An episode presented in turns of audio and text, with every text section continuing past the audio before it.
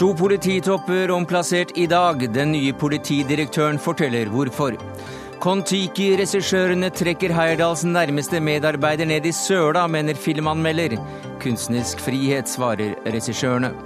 Arbeidsdepartementet har laget liste over alt høyresida ikke ville gjort mot sosial dumping. Dønn useriøst, mener Høyres Røe Isaksen, og møter ministeren for den slags i Dagsnytt 18. Og Etiopias statsminister er død. Var han en statsleder som løftet landet ut av grøfta, eller en autoritær diktator?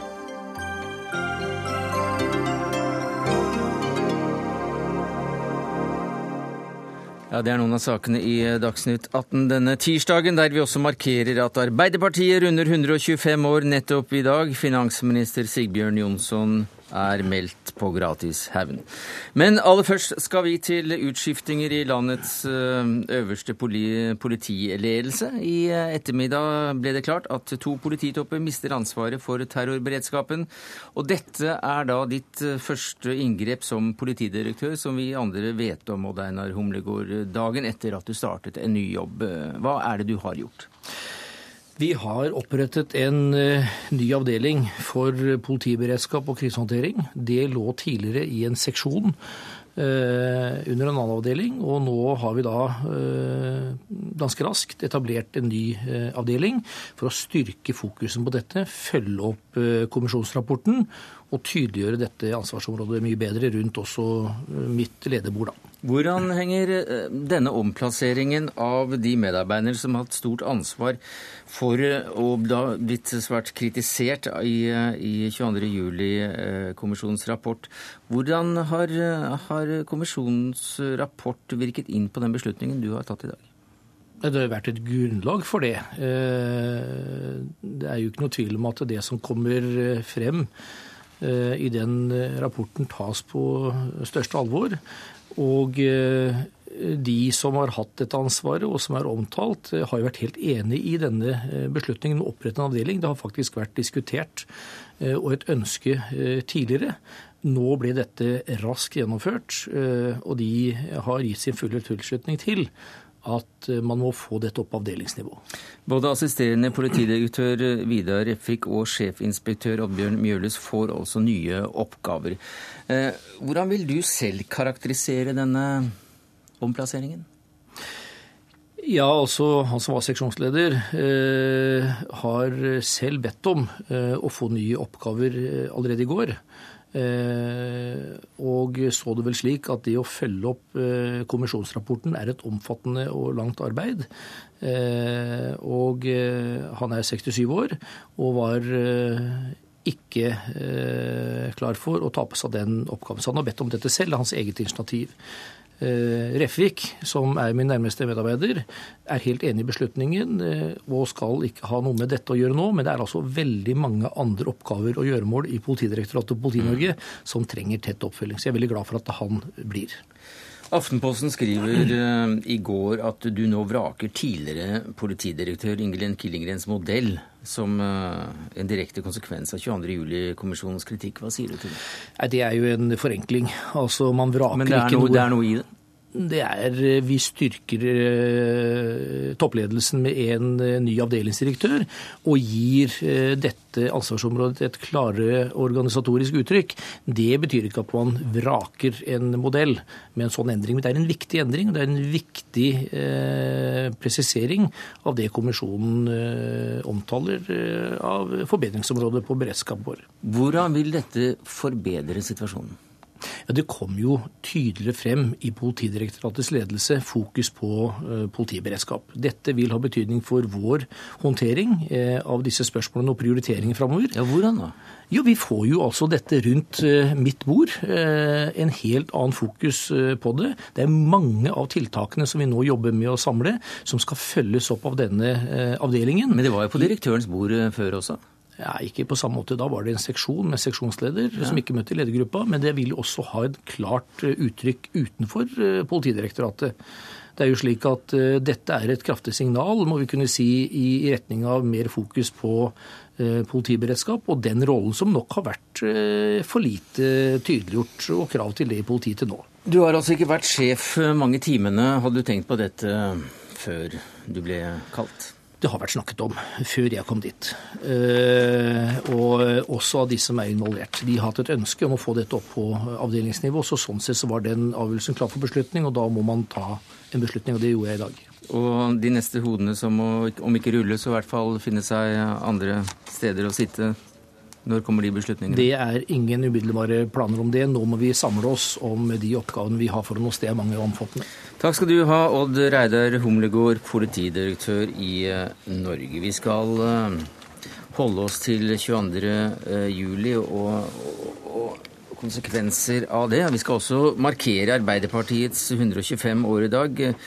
Men eh, nå til de dystrere sidene av, av, historien. For i din kronikk i Aftenposten i dag, Tor Boman Larsen, så sammenligner du 22.07.2011 med 9.4.1940. Og hvilke likhetstrekk er de viktigste? Jo, for det første er det jo Stoltenberg selv som har eh, trukket den tråden når han eh, sier 'aldri mer 22.07', mm. slik våre foreldre sa 'aldri mer 9.4'. Og det er ikke så rart at han gjorde, for på en måte ligger sammenligningen så å si luften i det bomben går i regjeringskvartalet. Og, og, du har et angrep på den norske stat, og dernest eh, da denne massakren.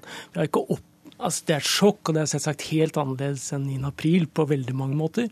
Men samtidig så har vi ikke noe annet å sammenligne med i, i Norge. Så, så, så, det er ikke rart at den assosiasjonen kommer. Men når jeg har skrevet om den nå, så er det jo mer pga. kommisjonsrapporten. Mm. Og eh, den fikk meg til å tenke på den rapporten som ble skrevet etter annen verdenskrig, og som tok et oppgjør med datidens Norge og med regjeringen Nygaardsvold.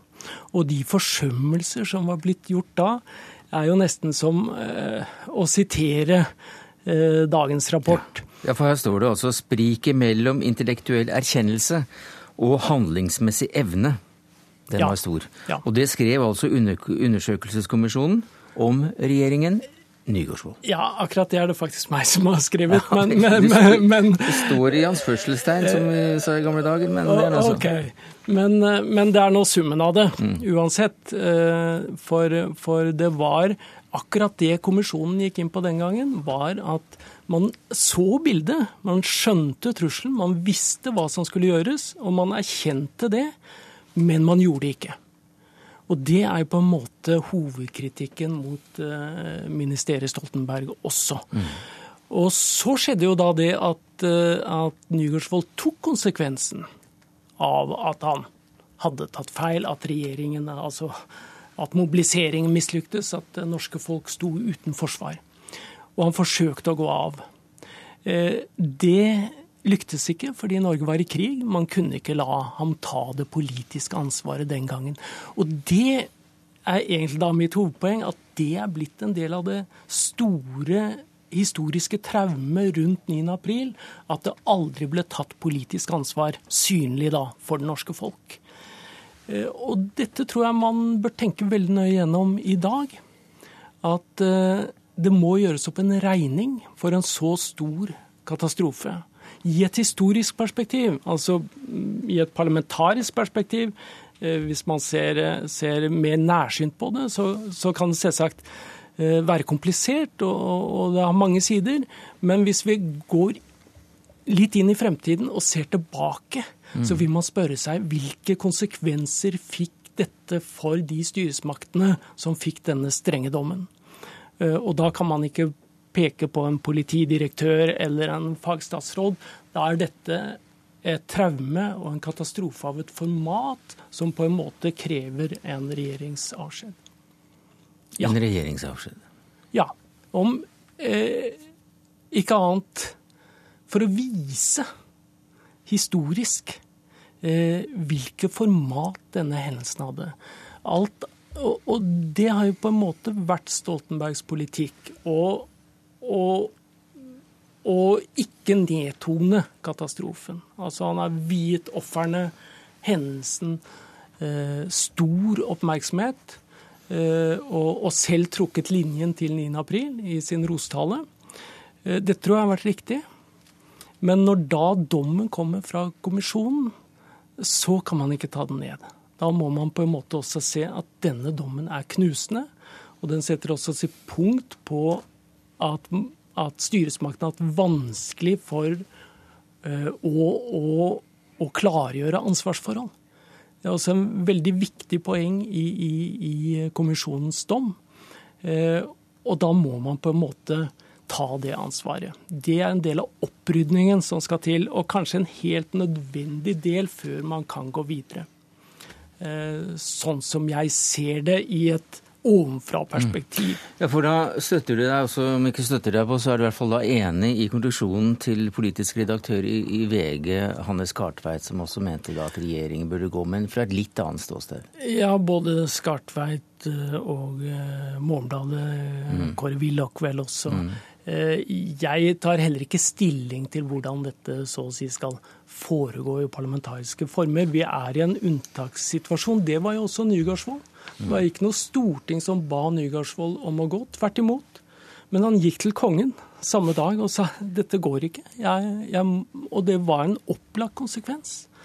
Han, det var et totalpolitisk havari. Eh, stat og folk sto uten beskyttelse. Det var regjeringens ansvar. Mm. Eh, så fikk han altså ikke gå, og det var på mange måter tragisk. Nå har altså da en, um, en politidirektør gått. Politidirektøren har flyttet om på, på noen av sine eh, topper, og ja, det er da Dette blir jo veldig smått, ikke sant? Mm -hmm. eh, og jeg er redd for at fremtidens historikere vil påpeke det. Hva sier nåværende historikere da, Hans Olav Lahlum? Du er historiker og forfatter også av bøker om eh, Arbeiderpartiet.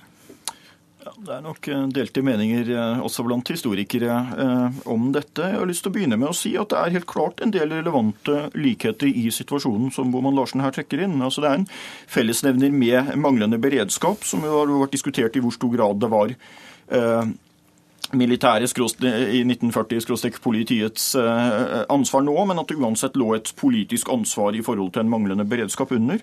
Jeg tror det kommer til å stå igjen som en likhet at Nygaardsvold og Stoltenberg var to betydelige statsministre som begge fikk et problem med dette. Altså at dette ikke var på noen måte noe høydepunkt, men snarere eh, et av de store. For Nygaardsvold står det jo åpenbart igjen som den store innvendingen mot hans arbeid som statsminister.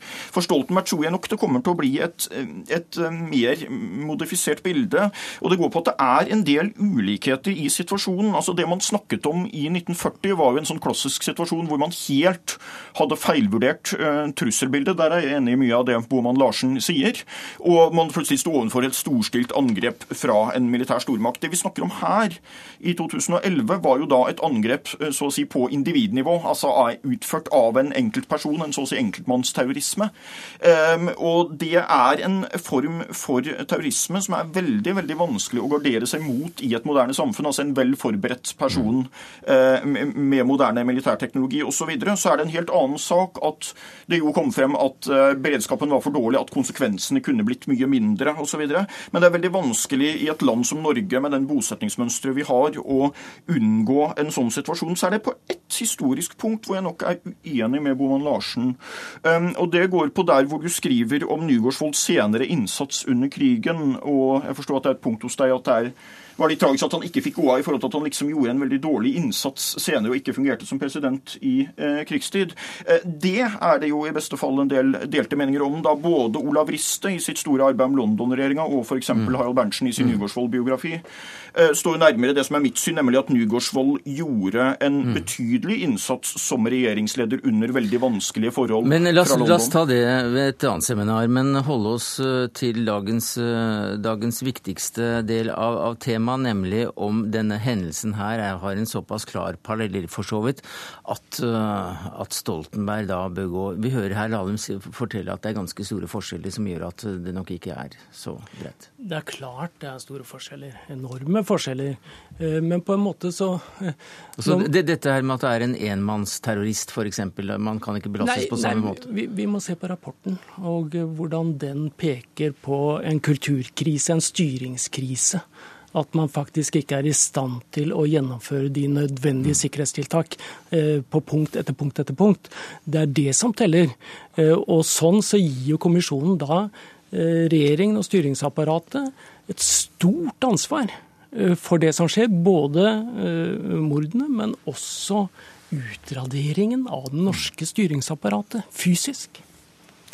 Ja, altså det, det er helt klart, Nå er det jo en det er jo politiet som også får et hovedansvar da, i forhold til at man sies at mye mer kunne vært gjort innenfor de rammene man hadde. Så er det også en politisk kritikk. Og den politiske kritikken er veldig tøff for Stoltenberg nå, og det setter han i et dilemma som vi var litt inne på her. fordi hvis han ikke lar statsrådet eller folk på politisk nivå gå, så vil han veldig fort bli beskyldt for å undervurdere dette og være maktarrogant. Hvis han lar dem gå, så vil han få mer av den kritikken han fikk etter Mæland-saken, altså at han ikke tar ansvar og blir sittende selv mens han eh, svikter folk han hadde utnevnt. Eh, så det er et stort dilemma. Men jeg har lyst til å si at eh, hvis vi leter etter historiske paralleller her, så finner jeg på mange måter flere relevante paralleller til en annen sak av en litt annen karakter enn del år senere, nemlig Kings Bay-saken, som har ganske mange lignende paralleller. Altså, det var og, det, og den saken. Unnskyld at jeg avbryter det her, Dale, men jeg må nesten videre. Og den saken den skal vi snakke om neste gang du kommer inn i dette studio. Det er ikke så mange minutter til, men da skal vi markere 125-årsjubileet for, for, Arbeiderpartiet. Men eh, enn så lenge takk, Hans Olav Radum, og takk til deg, Tor Boman Larsen.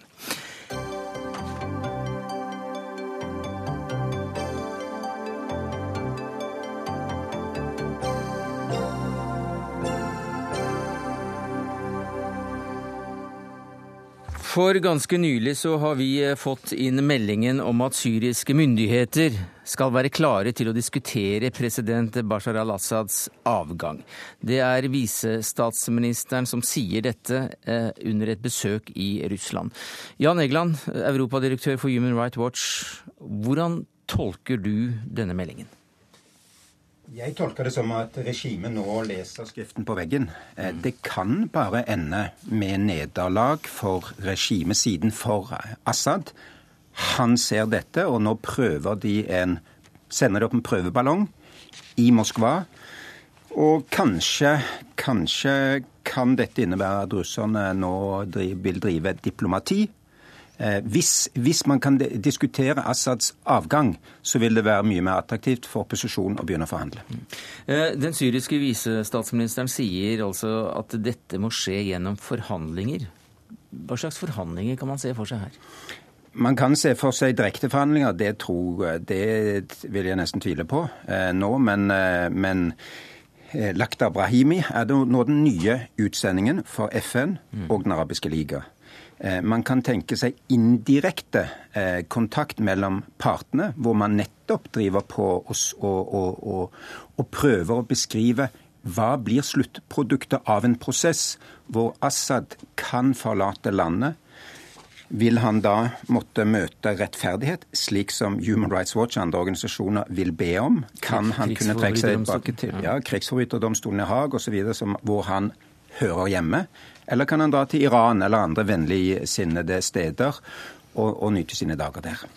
Samtidig så har den amerikanske presidenten eh, det siste døgnet skrudd eh, tomstikken litt til her. Kraftig advarsel til det syriske regimet om at det vil få konsekvenser hvis landet bruker eller flytter på kjemiske våpen. Eh, er det den type press vi nå ser resultater av? Ja, Vi ser veldig mye press nå fra de vestlige. Og delvis så sier de vestlige veldig klart at de kan komme til å gå over til å gi militær støtte. Foreløpig har de bare gitt kommunikasjon, etterretning osv. Men de, det pumpes nå inn våpen fra Gulf-statene. Det verst tenkelige scenarioet sett fra alles synspunkt, det ville være en sekterisk krig hvor alawitt står mot sunni, som står mot shia, som, som slåss med kristne. Men det kan fremdeles skje uansett hvordan eh, Assad går an? Ja, dette, dette er på mange måter allerede i gang. Ja. Eh, og Assad har også den muligheten å kjempe til siste slutt og dra opp i det alawittiske kjerneområdet, hvor han har mange som vil kjempe med ham. Men er dette gode nyheter? Altså, Dette er jo en veldig interessant eh, prøveballong. Hvis, den er, eh, stem, hvis det hvis stemmer, det er sant. Ja. Hvis det er sant. Eh, for, for, for, det er nesten for godt til å være, være, være sant. Altså, dette regimet er Assad. Far og sønn. At, man, at dette regimet skulle kunne forhandle om slutten på Assad-familien, det er nesten for godt til å være sant. Men det da bare betyr at de ser at det rakner. Egeland, vi ba deg egentlig komme for et, eh, for helt annet, et helt annet oppdrag, nemlig å snakke om, eh, om, Etiopia, og det skal vi gjøre nå. Men denne meldingen kom tikkende inn mellom vi hadde gjort den avtalen og at du faktisk var her. Så flott at du kunne kommentere dette her. For i Etiopia så er det ikke bare en president som sier at eh, han eventuelt kan gå av, men det er altså da kjent at landets statsminister Melet Senawi er død. Ryktene om hans sykdom har gått lenge, og han skal ikke ha vist seg offentlig på de to siste månedene. Eh, professor i geografi ved Universitetet i Bergen og global historie ved Universitetet i Oslo, Terje Tvedt. Du har møtt denne mannen senest i fjor. Hvordan opplevde du denne personen som jo det er ganske delte meninger om?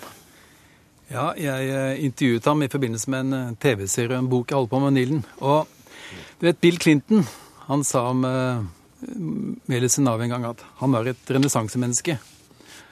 Eh, det er kanskje å gå litt for langt, men det inntrykket jeg fikk av ham, det var at han var uhyre kunnskapsrik, uhyre presis og veldig, veldig klar i sine analyser av det regionale og politiske maktspillet i dette området. Og jeg har snakket med en andre statsledere om Nil-spørsmålet, og ingen av de, vil jeg påstå, kunne måle seg med Meles Navi i både kunnskap og skarphet. Men altså da også leder for eh, et terrorregime?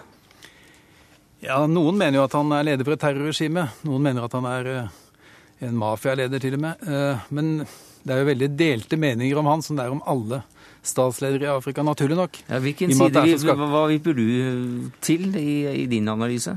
Nei, altså jeg mener jo at uh, på samme måte som, som man er fordømt, dømt til å misforstå samtidig når man ikke forstår historia, så vil man også miste eh, eller mangle, miste evnen til å analysere Meles om man ikke plasseres inn i Etiopias historie.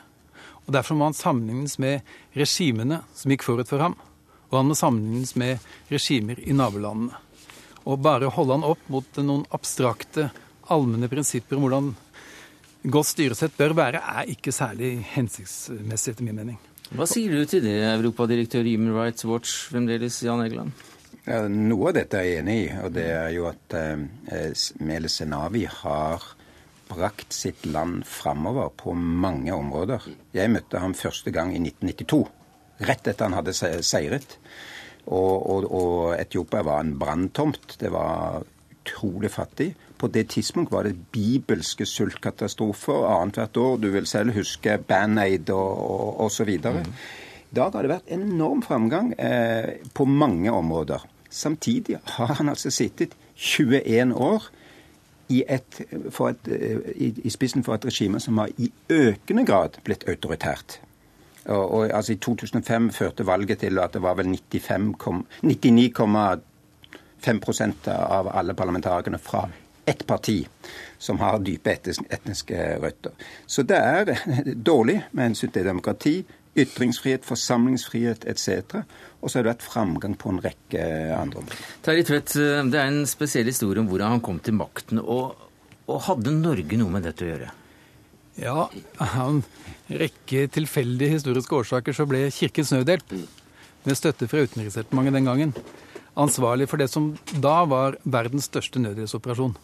De brakte mat inn fra Sudan, inn i Eritrea og i de delene av Etiopia hvor TPL, TPLF, altså Melesenavisk ridderorganisasjon, tilfeldigvis også opererte. Så han kan du si ble forfordelt blant de andre opposisjonsbevegelsene mot Mengistu-regimet. Og han fikk hjelp på veldig mange områder, men særlig viktig tror jeg det var at Kirkens Nødhjelp og UD og alle de andre som støttet det, bidro til at TPLF og den nye regjeringen kunne bygge opp en lastebilflåte i Etiopia som utkonkurrerte all annen transportinfrastruktur i det landet på det tidspunktet. Og dermed så er vi kommet eh, langt inn i eh, ditt eh, ministerium, utviklingsminister Heikki Holmås. Du har også truffet han? Det har jeg også gjort. Jeg, gjorde, jeg møtte han i, i, Rio, og allerede da var det ganske tydelig at, at det var noe i gjære, og at han var dårlig. fordi at mm. da Da droppet han å komme på veldig mange av møtene han var oppsatt til å, å, å komme på. Jeg fikk muligheten til å møte han, men jeg møtte også hans avtaker Haile Mariam, som, nå, som da var utenriksminister, eller som fortsatt er det, og nå er fungerende statsminister og, og fungerende leder for, for, regjeringen. Vi inngikk jo en, en, en politisk avtale fordi at vi har vært kritiske til menneskerettighetssituasjonen i Etiopia, samtidig som vi har vært opptatt av at det etiopiske folket må hjelpes ut av den fattigdommen som de er. Og det er ingen tvil om, sånn som både Jan Egeland og Terje Tvedt er innpå, at, eh, at Etiopia og Etiopias ledere har hatt en, en, veldig klar ambisjon om å klare å løfte landet ut av fattigdom. Fattigdommen er halvert i løpet av de siste 20 årene. Når han overtok, eh, Meles overtok i, eh, i 1991, så så var det under en tredjedel av ungene som fikk muligheten til å begynne på skole. Nå er det nesten alle, 94% Så, så de er et land som har lyktes mye med utvikling, men der det er klare brudd på menneskerettighetene. Noe som bl.a. har gjort at i Norge så har vi tatt imot mange flyktninger som har fått opphold. Og den var jo knyttet litt til eh, en returavtale, denne eh, utviklingsavtalen vi hadde med Etiopia og ble kritisert i sin tid? Nei, det var den ikke, og det er tilbakevist. Men, men, vært, men Etiopia har vært et av de landene landene vi over tid har, eh, har hatt et tett samarbeid med. Altså, det jo akkurat sånn som jeg la meg inn på at de, jeg husker, jeg tilhører den generasjonen som vokste opp med Band Aid og Live Aid i 19, 1984. Og jeg var jo tilbake sjøl og besøkte i Etiopia noen av de områdene som den gang var hardest tørkerammet. Og der de nå har fått irrigasjonssystemer, der du har fått vanning på plass. Du har fått folk som har reist fra Etiopia til Norge og fått utdannelse på, på, eh, på med på Ås, gamle mm. landbrukshøgskolen der, og som tar med seg erfaringer tilbake igjen og, og utvikle landbruk der. Så Norge-Etiopia-historien er en solskinnshistorie, Terje Tvedt? Ja, det kommer jo an på uh, solskinn Altså, det kommer jo an på om man, man ønsker solskinn? Ja. det var et dårlig bilde, kanskje. Det, og det kommer litt an på hva man mener. En helhetlig vurdering av Medicinavi Eh, krever jo litt større lerret enn det vi har her. Eh, som sagt, det er mange som oppfatter han som eh, en forkjemper for sin egen folkegruppe, som oppfatter han som en mafialeder osv. osv. Men hva slags, hva, slags, hva slags statsleder var han? Nei, altså, jeg vil si at uansett hva man ellers måtte mene om Meles Navi, så vil det viktigste eh, resultatet av hans virke være at Etiopia, som også Holmås så vidt var inne på, bidro til, eller var med på å realisere Etiopias potensial som Nilens store mm. makt. Altså at han startet med å sette i gang store damanlegg langs Nilen, både for irrigasjon, men først og fremst for kraftproduksjon. Så han endret på en måte Nilens, nei, Nilens posisjon i Etiopia og Etiopias posisjon overfor Nilen, og dermed også Etiopias regionale rolle. Både vis-à-vis Sudan, Egypt og alle de andre landene som ligger der. Sånn at, sånn at i, i et langt historisk perspektiv så tror jeg at det er dette som vil bli stående. At han så å si gjorde eh, Etiopia til en Nil-makt som ingen kan overse. Til det gode? Det kommer an på om du er eh, egypter eller eh, hva du er. Men altså sett fra Etiopias ståsted så tror jeg at det vil komme til å bli oppsummert som hans viktigste bidrag. Men Jan til tross for alt det andre man kan kritisere ham for. Allikevel så, så, sier du til Aftenposten Jan Egeland 25.07 at det er ingen god idé å gå til sengs med diktatorer. og snakker, Da snakker du om Norges bistand til Etiopia. Ja, jeg snakker nå nokså generelt om den veldige begeistringen som har vært fra de vestlige donorene, spesielt fra Etiopia og Rwanda, som er et annet gjennom autoritært regime, som har hatt stor framgang, tilsvarende Kina og, og, og, og andre autoritære regimer, på økonomiens eh, vei. Altså sterke autoritære ledere som sitter på livstid. Men, men ellers er vi, er vi, jo liksom for demokrati og menneskerettigheter. Og det er ikke som Terje sier, abstrakte ideer. altså Menneskerettigheter er internasjonal lov. Og hvis vi er for dem i Syria, så skal vi også være for dem i Etiopia. Er vi for dem i, i, i Norge, så skal vi også eh, altså, Vi skal være for dem overalt. Men ha, Tvedt mener jo da at du må sette det i en sammenheng, en, en, eh, ja. se det i, i, sammenheng med resten av Afrika f.eks., for, eksempel, for å kunne forstå dette. Ja, og da kan man f.eks. si eh, det, det er ikke slik at afrikanerne ikke kan ha utvikling og demokrati og menneskerettigheter. Mens, men, men, det kan europeerne. Det er klart de kan ha begge deler. Eh, Botswana klarer det. Jeg håper nå at donorene og andre sier nå har frigjøringshelten etter 21 år med makten dødd. nå må man presse virkelig på for reformer. For hvis ikke det skjer, da blir dette en trykkoker som kommer til å få sin arabiske vår, hvor, hvor regimet til slutt blir eh, kastet av folket med en masse blod. Og det er det ingen som ønsker. Jeg er enig, jeg er enig med Jan Egeland der. Jeg mener at det finnes ingen, ingen, unnskyldning for å bryte grunnleggende politiske menneskerettigheter, som det det er å f.eks. utsette folk for tortur, eller sånn som skjedde etter valget i 2005, når opposisjonen gjorde, gjorde det godt. Men allikevel så går du inn i avtaler med disse regimene? Jo, men det handler jo om at vi ønsker utvikling for folk. Vi ønsker å bekjempe fattigdom. Og når vi er inne i et land som Etiopia, som er et av verdens fattigste land, og er med på å hjelpe folk ut av av fattigdom der sammen med myndighetene, så har vi også en enestående posisjon til å si klart ifra om at menneskerettigheter er noe vi er opptatt av. Og når vi inngikk denne avtalen, så kommer vi til å være med på å følge dette ordentlig opp. Vi skal ha en konferanse som vi ønsker å gjennomføre i, i, i Oslo, der menneskerettigheter kommer til å være et sentralt tema. Og det er noe vi tar opp hver eneste gang vi møter eh, etiopiske myndigheter. Ja, altså, bare for å presisere det er klart at er, diskusjonen dreier seg ikke om afrikanere kan kan ha demokrati og utvikling på samme måte som andre. Det er altså ikke det diskusjonen dreier seg om. Og det nytter heller ikke å sammenligne Botswana og Etiopia, selv om det ligger på det afrikanske kontinentet. Etiopia og Botswana har ingenting til felles, bortsett fra at det ligger på det kontinentet. Botswana er et lite land, Etiopia er et svært land, ekstremt etnisk sammensatt. En boblende eh, kjele av motsetninger.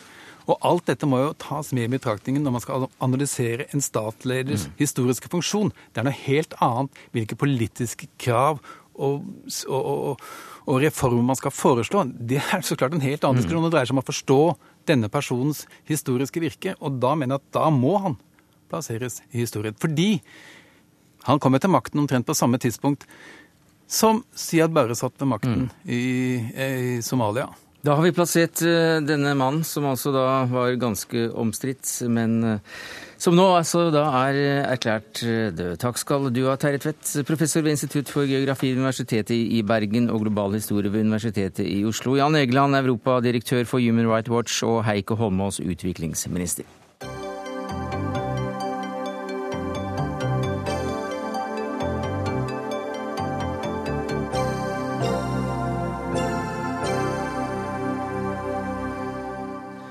Velkommen, Sigbjørn Johnsen. Tusen takk for det. Vi har i starten av Dagsnytt 18 eh, i kveld vært inne på at uh, Arbeiderpartiet vel kunne tenke seg en lysere ramme rundt uh, dette 125-årsjubileet. Hvordan har det vært?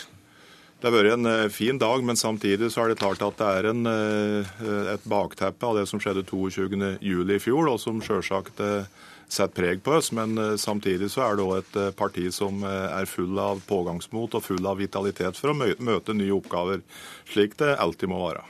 Jeg vet ikke om du traff Boman Larsen på vei ut, og du er heller ikke forberedt på å måtte svare på om, om statsministeren bør gå etter den kronikken som jo, han hadde i Aftenposten i dag? Det kan jeg gi deg et klart svar på. Jens kommer ikke til å gå, han bør ikke gå. Du har altså da vært AUF-gutt fra 1964, senere kjent som Stortingets yngste representant i sin tid. Ja, den gangen, ja.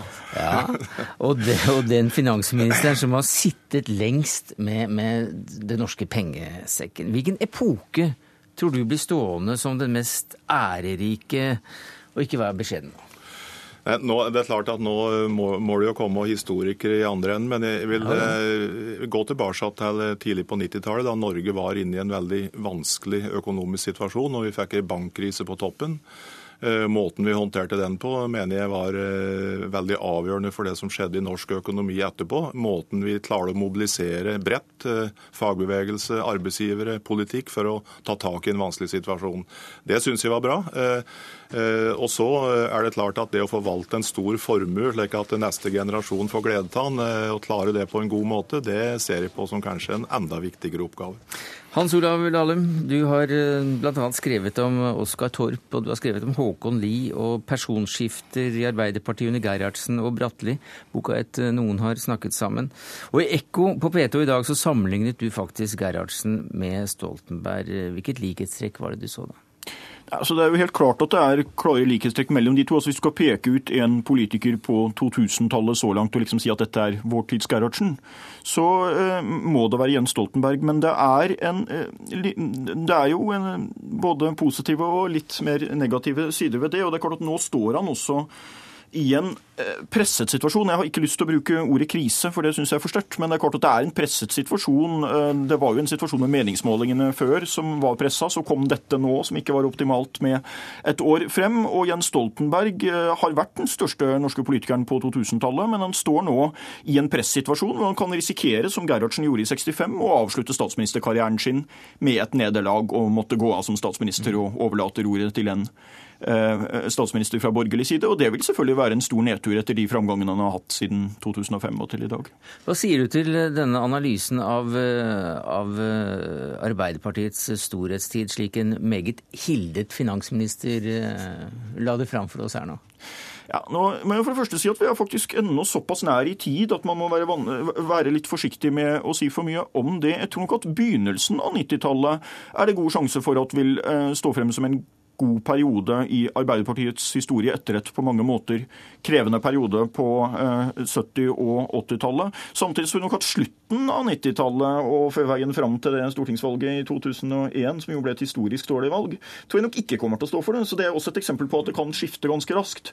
Må man jo si da at eh, du, Hvis du finner et parti som er over 50 år gammelt noe sted som ikke har hatt store opp- og nedturer, så er det vel fordi det er det eneste partiet i det landet, tror jeg. Sånn at eh, Det er jo så å si en naturlov at det går litt opp og ned, og det har det jo gjort. Men det var muligvis en god periode som ble fulgt av en veldig veldig vanskelig periode der. Og så kom det jo en ny god periode som på mange måter ble innledet av Stoltenberg og det nye regjeringsalternativet. Da. Det er altså et 125-årsjubileum som markeres eh, i dag. Hvor opptatt er eh, Arbeiderparti-folk av historien? De er opptatt av historia, for det er alltid viktig å eh, bruke historia for å gå videre framover. For de lange linjer i historia forteller oss noe om verdier som på en måte er tidløse. Altså, Eh, to eksempler på det. altså Hele folk i arbeid, eh, det berømte slagordet, er like aktuelt i dag som det var eh, på midt på 30-tallet. Vi ser det rundt omkring oss i Europa. Det er ting som vi må jobbe med hver eneste dag. Det at du skal ha, oppfylle generasjonskontrakter, det at de som kommer etter oss, generasjon, neste generasjon, skal ha minst like gode muligheter som oss. Eller som det ble sagt tidligere, at de skal våkne opp til en morgendag som er mm. bedre enn den vi sovna inn i.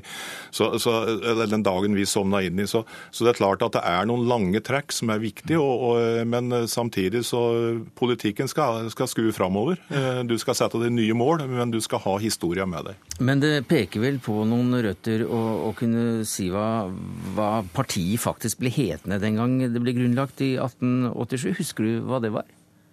Det, ja, det, altså jeg har, det heter Arbeiderpartiet for meg hele tida, men jeg vet at eh, du, Det forener det norske Arbeiderpartiet? Det forener det norske Arbeiderpartiet. Ja. Eh, og det rare er at i Trondheim så har du to fløyer. altså Du har eh, Trondheim Forenede Arbeiderparti, og så har du Arbeiderpartiet. Ja. Det ene er mer radikalt enn det andre. Og den første lederen het? Andreas Andersen fra Jevnaker. Så der har Oppland 1-0 i forhold til Hedmark. Denne sangtradisjonen er det blitt snakket mye, mye om. Eh, hvorfor er det blitt en så naturlig del av arbeiderbevegelsen, når det, vi da kan se at det er jo millionær på millionær på første benk som sitter og synger om kamp og eh, Einar Gerhardsen har jo vært nevnt her tidligere, og han eh, sa jo at man skal eh, man synger i sorg og man synger i glede, men aldri når man har ondt i sinne. Og det er jo på en måte eh, Sangen har vært viktig, eh, og er viktig for arbeiderbevegelsen. Altså En av de fineste sanger jeg vet er 'Vi bygger landet'. Altså Jeg blir rørt hver gang jeg hører den. Og det er òg historiske linjer som treffer på en måte nerven i dag, altså, som er viktig for folk. Så sangen og kulturen har alltid vært viktig i arbeiderbevegelsen. Sjøl om eh, Einar Gerhardsen i sin tid, da han ble eh, sekretær i Arbeiderpartiet på 20-tallet, eh, avskaffa dansen. For det hørte ikke hjemme i arbeiderbevegelsen. Det, men det var nok litt fordi det ble regna som en del av den borgerlige kulturen. når man Det er veldig typisk for den tida da, at man lagde en egen sånn kulturarv innafor arbeiderbevegelsen og arbeiderkulturens betydning betydning. Det har vært undervurdert. Så sangen og dens videre betydning er liksom en arv etter det, da, en videreføring av det, som er litt interessant. Og også det at man har beholdt navnet Arbeiderpartiet, mens veldig mange partier i andre land jo har endret navn til sosialdemokratiske et eller annet. Så er jo det også en del av identiteten i Norge. det. Takk skal dere ha, og fortsatt eh, god kveld. Eh, Sigbjørn Johnsen, finansminister. Hans Olav Lahlum, historiker og forfatter.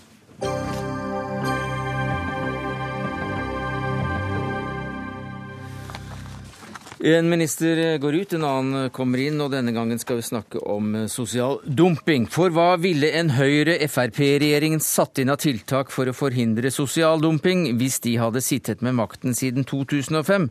Ja, Det har altså dere listet opp, arbeidsminister Hanne Bjurstrøm. Dere hevder at høyresiden bare ville gjennomført åtte av disse 30 tiltakene mot sosial dumping som vi har listet på her. Og hva bygger du det på?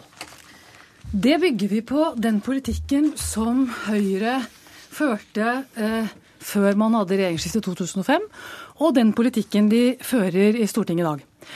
Men la det være sagt. Det viktigste for meg er ikke mengden av tiltak som er i den lista.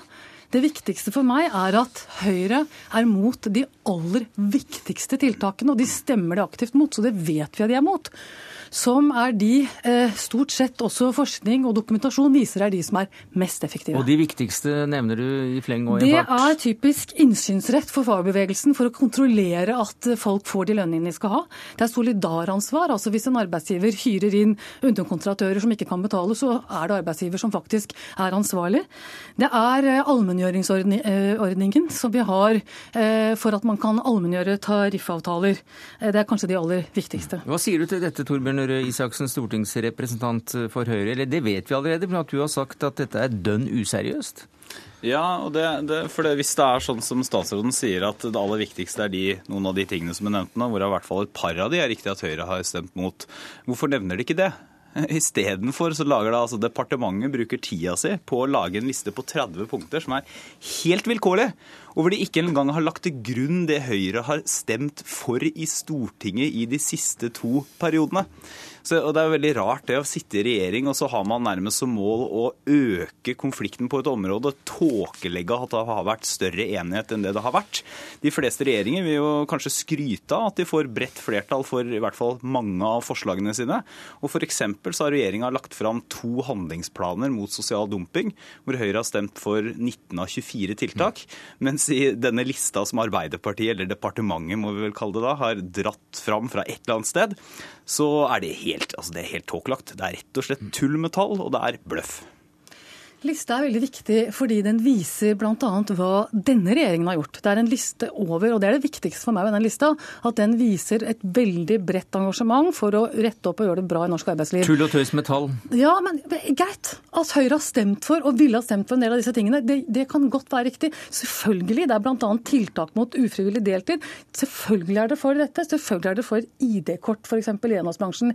Men det jeg utfordret deg på, var disse fire tingene som dere ikke er for. Jo, men sitter jo ikke, nå sitter jo ikke vi her Jo da, men det kan vi godt komme ja. til Dagsnytt 18 og diskutere også. Mer enn gjerne. Jeg stiller når som helst opp på en diskusjon om sosial dumping.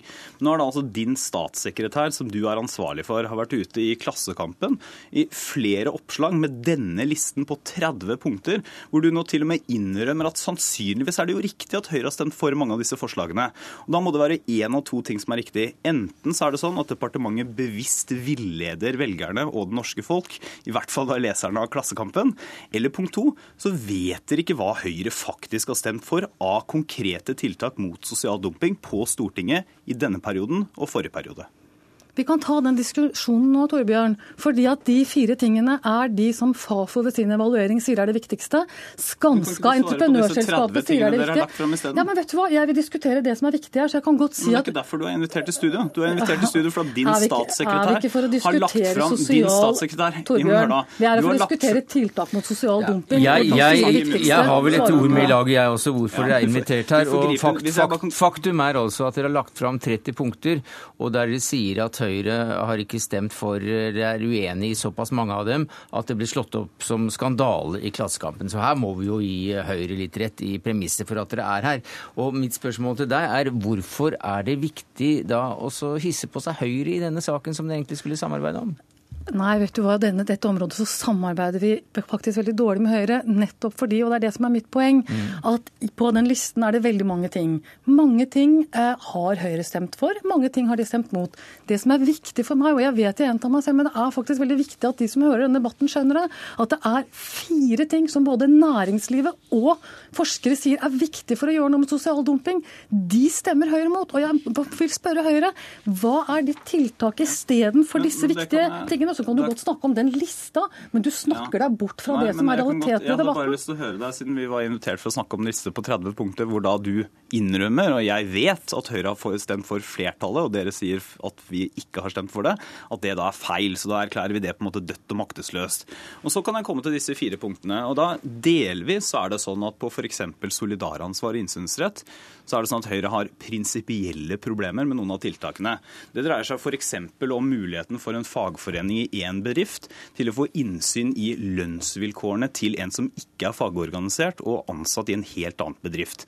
Det mener Høyre er problematisk med tanke på f.eks. organisasjonsfriheten. Når det gjelder Ja, andre av disse eh, kan jeg men nei, nei, la oss bare ta det akkurat også. Det er problematisk i forhold til organisasjonsfriheten. Det handler om noe som bl.a. Skanska, entreprenørselskapet, Mm. tok opp med meg at de mener er veldig viktig. Fordi i dag er det vanskelig å drive seriøst. Dette er jo for å beskytte de seriøse norske bedriftene, for at de ikke skal bli utkonkurrert av de useriøse. Mm. Da må vi ha systemer som også gjør at man er forpliktet til å sjekke at de man inngår avtale med, faktisk øh, lønner folka sine i tråd med det som er regler. Høyre liker ikke det, fordi de liker ikke fagforeninger like godt som jeg liker dem, for å si det på den måten. Dette handler om å gi fagforeninger muligheter til å kontrollere. Hvis ikke klarer vi ikke å gjøre noe med jeg synes- Jeg syns det er en litt sånn forsimpling av debatten. La meg ta de andre problemene som vi har hatt. Dette er jo tiltak vi da stemte mot, noen av de, for noen år siden. Det andre problemet er at vi mente at en del av tiltakene ville føre til unødig byråkratisering. Og det var jo nettopp fordi at eh, vi lytter til fagforeninga. Vi, vi har møte med dem, og vi hører på hva de har å si. Men vi hører også på noen andre, nemlig småbedrifter. De som driver et lite hotell, en butikk, et verksted. Og når de sier at vet du hva, vi er kjemperedde for at dette her blir vanskelig, det blir komplisert, det blir byråkratisk, så forsøkte vi å finne alternativer som var lettere å håndtere. Og de alternativene vil jeg veldig gjerne at Torbjørn Røe Isaksen forteller meg nå. Ja, Og det, vet du hva, at det, De det, det, det, skal dere også få lov til å debattere neste gang dere kommer til studio for å er debattere sosial dumping, så skal vi jammen ta disse punktene. Og da dreier det seg om det, og ikke om alle lister som er skrevet. Ok? Takk skal dere ha, Hanne Bjurstrøm, arbeidsminister, Torbjørn Røe Isaksen, stortingsrepresentant for Høyre.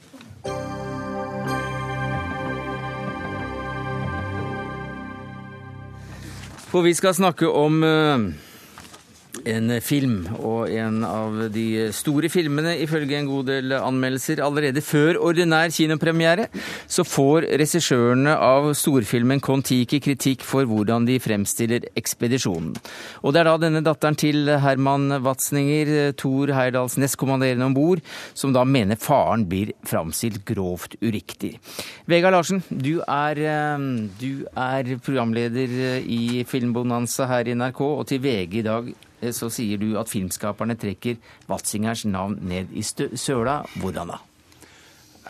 Han eh, Altså Det er en karakter som skiller seg vesentlig fra slik Watzinger var i virkeligheten. Nå er det jo fiksjon dette her, og man har lov til å benytte seg av fiksjonens virkemidler. Men, Det kommer vi tilbake til. men, men, men eh, karakteren eh, blir eh, brukt som eh, en, eh, ja, en eh, skeptiker, en pyse en mannskapet er skeptiske mot eh, og til, eh, og en som nærmest saboterer eh, flåteferden. eh, Noe som ikke stemmer overens med den reelle Watzinger. I filmen står Watzinger Han slår tvil om, sår tvil om ekspedisjonen bl.a. ved å ha med seg en stålveier om bord på flåta. Og om dette da skulle være riktig eller galt. Og Vi skal høre et lite kutt fra filmen akkurat om dette. Vi skulle ha brukt litt vaier, vet du. Disse tauene holdt for 1500 år siden, og de kommer til å holde nå. Vær så snill. Jeg bønnfaller deg. Det ser verre ut enn det er. Det er ingen andre her enn du som tror på Tiki! Dette er større enn oss. Dette var jo tydelig ganske mye dramatikk, og da også ikke hentet direkte fra filmen, men fra en såkalt trailer. Tor Heyerdahl jr., du kjente Herman Watzinger, du, og du har sett filmen. Eh, Hva syns du om denne rollefiguren i filmen? Det må være klinkende klart at dette er en spillefilm, ikke en dokumentarfilm. Og i utgangspunktet eh, så skulle det ikke være noen sammenheng mellom eh, deltakerne på Kon-Tiki-ekspedisjonen og min eh, mor. Eh, mine foreldre er nydelig portrettert. Pietetsfullt og respektfullt, og veldig nær eh, mine foreldre. Så nær at det faktisk eh, ble et lite problem for meg. Jeg fikk klump i halsen da jeg så filmen. Eh, De øvrige deltakerne eh, er ikke lagt opp til å spille de originale figurene. Og den som er avviker mest fra de originale, det er jo Herman Watzinger. Ja, hvordan var han? Altså, du har til og med jobbet eh, med og for ham, du. Han var jo en, eh, ja, for å bruke eh, det uttrykket, da, en machomann. Eh, en Utseendemessig så han vel ut som min ungdomshelt eh, Gregory Peck. Eh, han var en intellektuell kapasitet. Han var sivilingeniør fra NTH. Han bygget opp Perus fiskeriindustri, bodde i Peru i mange, mange år. eh, Ble etter hvert eh, direktør for eh, Food and Agricultural Organization, altså FNs matvareorganisasjon, eh, og eh, ledet hovedkvarteret i Roma. I 1977 var jeg eh, eh, marinbi- marinbiolog om bord på havforskningsfartøyet Dr. Fridtjof Nansen, av alle navn i denne sammenhengen. Eh, og eh, hadde ikke direkte kontakt med Herman, men indirekte. Og han var en glimrende eh, leder for eh, verdens fiskeriundersøkelser, og han var en internasjonal ener. Vegard Larsen, hvordan framstilles han, denne machomannen, Gregory Peck-aktige typen? Altså, Han øh, fremstilles i hvert fall ikke som verdensvant. Nå kan det jo hende at øh, det var noe han ble etter hvert. Men, men øh, det, det er tydelig når man ser filmen at dette er en karakter som benyttes fordi at filmskaperne og manusforfatteren trenger ham for å få til den eventyrfilmen som de vil lage og har laget. Espen Sandberg, du har regissert Kon-Tiki-filmen sammen med Joakim Rønning. Og er det da grunnen til at dere har tatt dere disse kunstneriske frihetene for at dere trengte det? Vi trengte det, ja. Eh, Vi eh, har jo jobbet på dette prosjektet i eh, fire år. Eh, Og før det så var det jo mange andre som hadde forsøkt å få det til, men de klarte ikke å knekke helt koden. Hvorfor ikke? Det kan ikke jeg svare Nei, men på. altså, hva, hva, dere, jeg ikke- dere, dere brukte en, en figur, men gjorde om karakteren for Ja. å Men det er, det er et vanlig grep. Dette gjøres jo ofte i dramatiseringer. Og det er jo som, som Thor sier her, dette er en dramatisering. Ehm, og vi har vridd eh, og vendt litt på de forskjellige karakterene. Eh, vi vet ikke helt hvordan allting var der heller, fordi det var en redigert versjon vi fikk fra Thor den gangen også. Eh, så vi har selvfølgelig lagt inn konflikter fordi vi skal lage drama. Men det, ligger det, det er så mye som ligger så tett opp til virkeligheten at sønnen får tårer i øynene når han ser den unge, unge skikkelsen eh, som da spiller faren, gå rundt og, og, og snakke. Mm. Og så tett opp til virkeligheten som dere da er, så tror man jo da at uh, kanskje at det er ganske mye som er tett opp til virkeligheten. Men så gjør dere også en rollefigur my, my. Uh, ganske mye mer feminin enn det Gregory Peck sto for i sin tid. Ja, jeg syns ikke han er feminin. Eh, men jeg, eh, vi, vi har gjort ett stort kunstnerisk grep for å få til drama om bord. Eh, men ellers er filmen veldig veldig tett opp til, det er sant. Men vi har gjort det ene grepet. Men gjør det ikke det litt er- forvirrende at det bare er ett grep som er så til de grader annerledes enn Nei, vi, ja, vi syns vi har vært tydelige på det av Mm. flere årsaker. Eh, vi har valgt en skuespiller som overhodet ikke ligner på Watzinger i virkeligheten. Eh, og vi har også kommunisert dette ganske grundig. Blant annet har vi laget en stor dokumentar om hvordan vi lager filmen. Og da tar vi for oss nettopp dette her, dette kunstneriske grepet, at vi har gjort om karakteren Watzinger, og den blir sendt på lørdag nå på NRK. Men eh, den er det ikke så mange som ser som filmen, forhåpentligvis. lørdag kveld på NRK, det tror jeg. Jo, jo, men allikevel, altså, dere skal vel ha en god del millioner mennesker som, eh, som følger og, og betaler for å, å se filmen. Men, men hvorfor brukte dere ikke et annet navn, da? Nei, Vi følte også det ble feil, eh, og bytta han ut på den måten. Eh, fordi han var med. Så det er jo avgjør, sånne avveininger man tar, da. Eh, så for oss var det et kunstnerisk valg. Og det finnes en dokumentar. Dette er jo så vel dokumentert. Så for folk som er eh, historisk interessert i hvordan dette her eh, var, så finnes det dokumentar, og det finnes eh, flere bøker og, Men så bilder. kom også datteren og sa at dette her var ikke bra. Ja, og det er det som er så beklagelig, at vi ikke visste om henne. Står det i telefonkatalogen? Ja.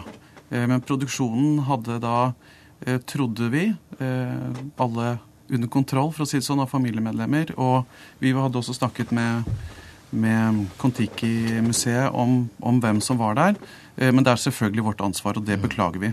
Og eh, hvis vi hadde eh, visst om henne, så hadde vi selvfølgelig snakket med henne, mm. sånn som vi har gjort med, med Thor og alle de andre, og, og snakket grundig gjennom det. Men vi, kommuniser, vi kommuniserte med barnebarnet og snakket med henne på forhånd, så hun var klar over dette her. Så det var ikke noe vrangvilje eller Nei. noe som helst fra vår side. Vi får regne med at resten av researchen dere har gjort, er en smule bedre enn uh, å ikke finne en person som står i telefonkatalogen. Ivo de Figueiredo, du er forfatter, og du skal innlede på et seminar nå snart om nettopp hvordan det går når sakprosa blir til film. Altså hva, hva, som er lov, for så vidt, og ikke lov. Og hvor mye kunstnerisk frihet kan en filmskaper tillate seg når han behandler slike historiske hendelser, syns du? Jeg sier takk for tilliten, men jeg har ikke tenkt å si hva som er lov eller ikke lov. Jeg er også historiker. Jeg har skrevet en eh, bok som også er under filmatisering, og jeg kjenner, jeg skjønner hvor det, hvor det trykker. Mm. Eh, nei, altså, Det er som Vegard innleda med, at uh, i fiksjon så er utgangspunktet alt lov. Eh, spørsmålet er hva du tjener på, og hva du taper på de valgene du gjør. Her er mitt inntrykk Nå har ikke jeg eneste som ikke har sett filmen, så jeg, jeg kan bare snakke generelt. Men på lanseringa er det åpenbart at man her forsøker, eller vil, eh, selge inn virkeligheten som en kvalitet ved filmen. Eh, og den er ganske sterk. Eh, det vil jo da binde skaperne. Og det forekommer meg at man da på en måte Ja, da får man disse typer problemene som man ikke ville fått hvis man hadde laga en fiksjonsfilm, eller om man har skrevet basert på en sann historie. Det, det er så viktig at dette skal ha hendt. Eh, og jeg bare En ting som jeg reagerer på da, når du sier at eh, dette er et valg som man må ta. Men det er det jo fordi man vil lage denne type film. Eh, for min erfaring er at filmspråket, mainstream-filmspråket, er Formen er streng. I litteraturen så har du mye større friheter. Og det er så streng at man da svarer som man, dere gjorde i avisa, om at det, ble for kjedelig på flåta. Her måtte vi ha en antagonist, vi måtte mm. ha en osv. Og det er helt greit, men, men man, det er en omkostning. Ja, eh, Vi har dramatisert, og det er flere grunner til det. og Det er bl.a. som jeg var inne på tidligere, at, at, det var Thor som fortalte denne historien sist gang. Og han eh, beskriver det som at alt var eh, fryd og gammen hele tiden. Eh, Herman falt jo bl.a. over bord, eh, og det ble jo beskrevet som at han syntes det var, var ille. Eh, senere i livet så har han jo sagt at det var det verste øyeblikket i mitt liv. Mm. Det var helt forferdelig. Eh, så det var en annen fortellertradisjon også på den tiden. Eh, vi møtte det samme med Max Manus. Da var det også sånn nei, ikke drakk vi, og ikke bannet vi, og alt var liksom sånn. Når vi kom litt mer innpå dem, så hørte vi jo mye mer om hvordan de levde, og, og hvor voldsomt det faktisk var. Så eh, det er et rom der som vi må fylle som dramatikere. Jeg tror publikum er veldig klar over at det er en spillefilm de ser med skuespillere. Jo, men eh, det er vel et poeng her som eh, Ivo de Figueiredo eh, nevner, at når dere legger det så tett opp og selger filmen inn som forholdsvis autentisk, så må du regne med reaksjoner når det plutselig avviker? Eh, vi, vi, vi, vi, regner med reaksjoner, og det fikk vi oss på Max Manus. Men vi, tar også dem for oss på en seriøs måte. Og vi har laget da bl.a. et program før, lenge mm. før den debatten kom opp, hvor vi redegjør for det kunstneriske valget vi gjorde der.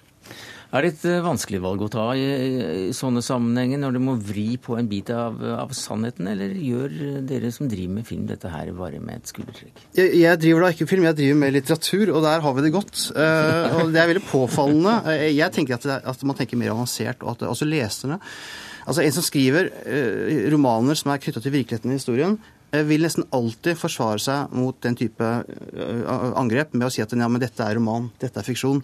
Og her er det morsomt, for her er det motsatt. Her sier skaperen at dette er sant. Vi måtte bare vri på den og den.